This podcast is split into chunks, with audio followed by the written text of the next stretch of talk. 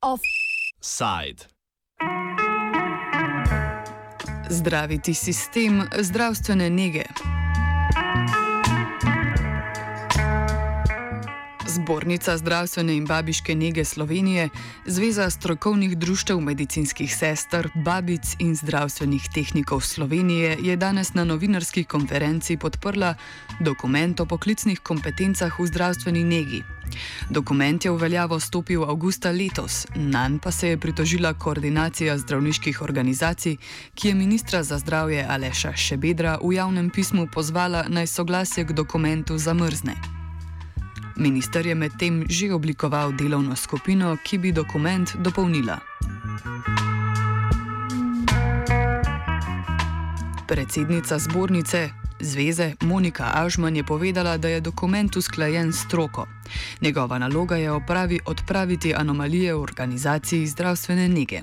Druga stvar je ta, da je vezana na 38. člen zakona o zdravstveni dejavnosti, za katerega vemo, da želi odpraviti nekatere pomankljivosti in je naplavil pravzaprav vse anomalije, ki so se nam dogajale zadnjih, lahko rečem, skoraj da 30 let od uvedbe usmerjenega izobraževanja dalje. Z priključitvijo Evropski uniji, pa z upoštevanjem direktiv Evropske unije, pa zadnjih 15 let. Ne smemo pozabiti, da imamo znotraj Evropske unije posebno urejenih sedem poklicev v vseh evropskih državah, pet izmed teh poklicev je v zdravstvu, zdravnik, zobozdravnik, farmacevt, diplomirana medicinska sestra in diplomirana babica. Na današnjem srečanju so dokument podprli tudi predstavniki sindikatov delavcev iz zdravstvene nege. Kljub temu ostaja nekaj vprašanj v zvezi z njegovo implementacijo. Nesporazume, ki izhajajo iz napačnega razumevanja dokumenta zdravstvenih zavodov, predstavi Jakob Počivalšek, sindikata Pergam. Na eni strani je podlaga za tako imenovano prevedbo medicinskih, srednjih medicinskih sester, ki izvajajo določeno obdobje večino nalog diplomiranih medicinskih sester na, na delovna mesta diplomiranih medicinskih sester in na drugi strani seveda bi moral predstavljati podlago za organizacijo dela naprej, za naprej in predvsem za politiko zaposlovanja v zdravstvu na področju zdravstvene nege.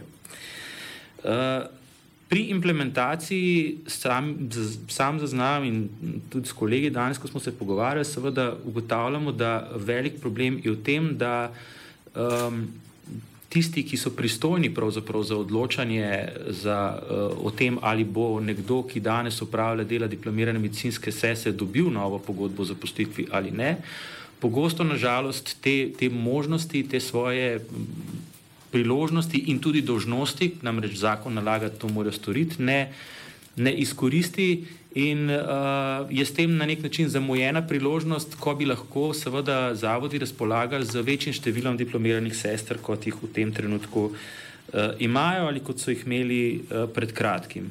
Druga zadeva, ki nam je popolnoma nerazumljiva, je, da nekateri zdravstveni zavodi razlagajo zakon o zdravstveni dejavnosti, na način, da po določenem roku, ki se, ki je, se je iztekel v septembru, ni mogoče več nikomur ponuditi, ki izpolnjuje pogoje, seveda zakonske, ponuditi uh, pogodbo za poslitvi za delovno mesto diplomirane medicinske sestre ne, in z njim skleniti tudi pogodbo o izobraževanju. Take, Tako razumevanje zakona je po našem mnenju seveda popolnoma napačno, brez kakršnih pravnih podlag in absurdno in pravzaprav zavodi s tako razlago vežejo roke sami sebi. Srednje medicinske sestre, ki pa pri svojem delu opravljajo dejavnosti, za katere niso usposobljene, a so pri delu pridobile znanje za njihovo opravljanje, predstavljajo še eno težavo. Nadalje je potrebno povedati, da seveda tudi sami ugotavljamo, da obstaja skupina zaposlenih, ki uh, srednjih medicinskih sester, ki izvajajo uh, dela in naloge diplomiranih medicinskih sester, vsaj v določenem obsegu, pa ne padejo v nobeno od kategorij, ki jih opredeljuje zakon o zdravstveni dejavnosti, in se zato seveda postavlja vprašanje, kako pravzaprav te, ta njihova znanja, ki so jih v praksi pridobili, uh, tudi uspešno oziroma učinkovito uh, uporabiti.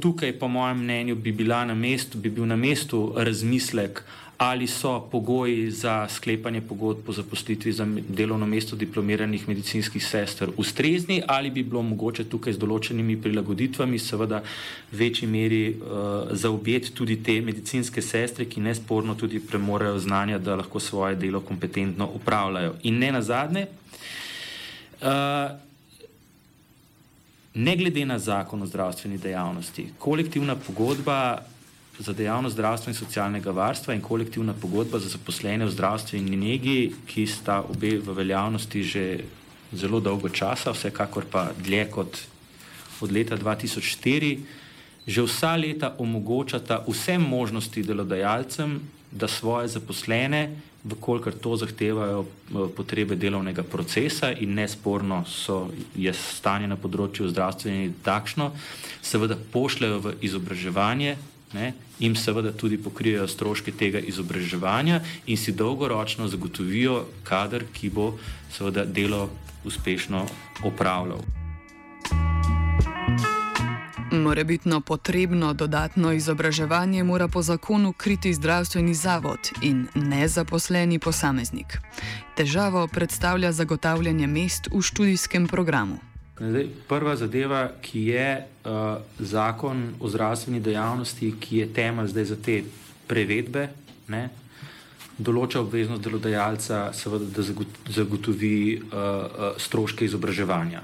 Ne, se pravi, to ne gre za sredstva, ki bi jih morali zaposleni zagotavljati za to izobraževanje. To je prva zadeva, ki jo je potrebno povedati. Zdaj, druga zadeva, ki pa je tudi potrebno povedati, je pa, da uh, jaz absolutno bi, bi pričakoval in pravzaprav tudi pozval, ne, da se uh, Ministrstvo za izobraževanje in Ministrstvo za zdravje seveda tukaj povežata ne, in zagotovita v bistvu izobraževanje, ker ne gre tukaj za izobraževanje petih, desetih ljudi, ne, ki se na tak ali drugačen način vključijo in izobražujejo ob delu, gre za, smo slišali, ne, tisoč, dva tisoč, morda tri tisoč ljudi. Ne, za katere je na eni strani zagotovo potrebno zagotoviti verjetno nek drugačen način izobraževanja v smislu same izvedbe, verjetno tudi financiranja glede na obseg. Ne. Koordinacija zdravniških organizacij, med njimi sindikat zdravnikov in zobozdravnikov Fides, dokumentu kot rečeno nasprotuje. Med razlogi za nasprotovanje med drugim navaja, da dokument ne upošteva, da je za zdravljenje odgovoren zdravnik, zdravstvena njega pa torej ne predstavlja samostojnega stebra zdravstvenih storitev. Drugič, dokument naj bi vodil v ukinitev poklica srednje medicinske sestre oziroma zdravstvenega tehnika. Dalje pri dokumentu niso sodelovali zdravniške organizacije. Ažman verjame, da temu botruje predvsem želja po denarnih sredstvih. Uh ne razumemo, zakaj bi se sindikat in to sindikat, katerega članice niso medicinske sestre ali izvajalci zdravstvene nege, v tem trenutku upletel v strokoven dokument avtonomne stroke, stroke zdravstvene nege. Verjetno je odgovor lahko najti v tem, da se ta isti sindikat Fides že 25 let dejansko bori za pravice, za delovne pogoje, za več denarja ene poklicne skupine. In z vso odgovornostjo izjavljam, da je žakelj z denarjem samo eden. In da zagotovo gre v vsej zgodbi tukaj tudi za denar. In če nekomu nekaj daš, verjetno drugemu vzameš. Na očitke o ukinjanju poklica srednje medicinske sestre Ažman navede številke. Te jasno kažejo, da poklic nikakor ni odpravljen. Ne bi bilo za enkrat skladno s tem 38. členom premeščenih na delovna mesta diplomiranih medicinskih sester 1387 takšnih naših kolegic in kolegov srednjo strokovno izobrazbo, 16,5 odstotka na bolnišničnem nivoju, 14,3 odstotka na primarnem nivoju in 7,1 odstotek v ostalih javnih zavodih. Zdaj, v celoti gledano, pred prevedbo smo imeli v sistemu, pred prevedbo, naj bi imeli v sistemu 54 odstotkov tehnikov zdravstvene nege, srednjih medicinskih sester, po prevedbi 45 odstotkov. Ali pa če vzamemo z vidika diplomiranih medicinskih sester, jih je bilo v procesu pred premeščanjem 46 odstotkov, zdaj jih je 45, zdaj jih je 55. Prav tako naloge srednjih medicinskih sester niso zreducirane na golo administrativno funkcijo. Kaj vse sodi k njihovim kompetencam, predstavi Ažman. Vsaka medicinska sestra, katero koli ravnjo izobrazbe, je dolžna zagotavljati pri pacijentu 14 temeljnih življenjskih aktivnosti, ki so prehranjevanje, pitje, izločanje, odvajanje, osebna higiena, gibanje, eh, spanje in počitek, zagotavljanje uh, ustrezne lege, dihanje, krvni obtok, telesna temperatura. Skratka, to je tako širok nabor aktivnosti, ki si jih najlažje predstavljamo samo, če se enkrat znajdemo popolnoma nebogljeni v bolniški posteli s povišeno telesno temperaturo in bolečino. Bolečina kot znak, ki ga more prepoznati tudi tehnik zdravstvene nege, ki je tisti, ki bo naprej sporočal, kaj vse potre, ali potrebuje lahko samo sredstvo za, za znižanje telesne temperature, v katerega proces se vključi zdravnik, ker je edini on pristojen, da mu predpiše sredstvo za znižanje temperature, da potrebuje obkladek, ovitek, uh, spremenjeno lego, pre, uh, preoblečeno posteljnino, zamenjeno spalno srajco, uh, uh, stalno merjenje telesne temperature, ne samo enkrat ali dvakrat, da to zna poročati. Da pri tej povečani telesni temperaturi pride še do, uh, hidra, do rehidracije, da ga je treba pri tem ustrezno hidri, hidrirati, da nam, da nam ne zdehidrira. Pa je to samo ena aktivnost, ki se ji reče povišana telesna temperatura. Se pravi, če pa gremo na oskrbo neke rane, kar se je večkrat tudi zdaj govorilo, pa povem, da so te, da so rane zelo različne, od odrgnine, opekline, praske, raztrganine do težke kronične rane. In na to področje se spet vključujejo vsi, tudi šive pobere zdravnik. Proti stališču koordinacije se postavi tudi počivalšek, ki današnji offside zaključi z mnenjem o tem, kaj bi se zgodilo, če bi bil dokument odpravljen.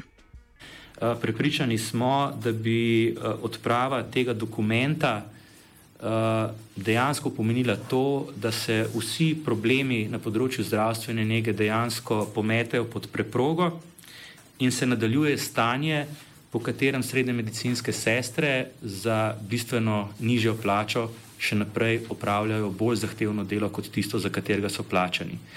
In to je stanje, za katerega smo si sindikati vrsto let intenzivno prizadevali, da se odpravi. Offside je pripravila Zala.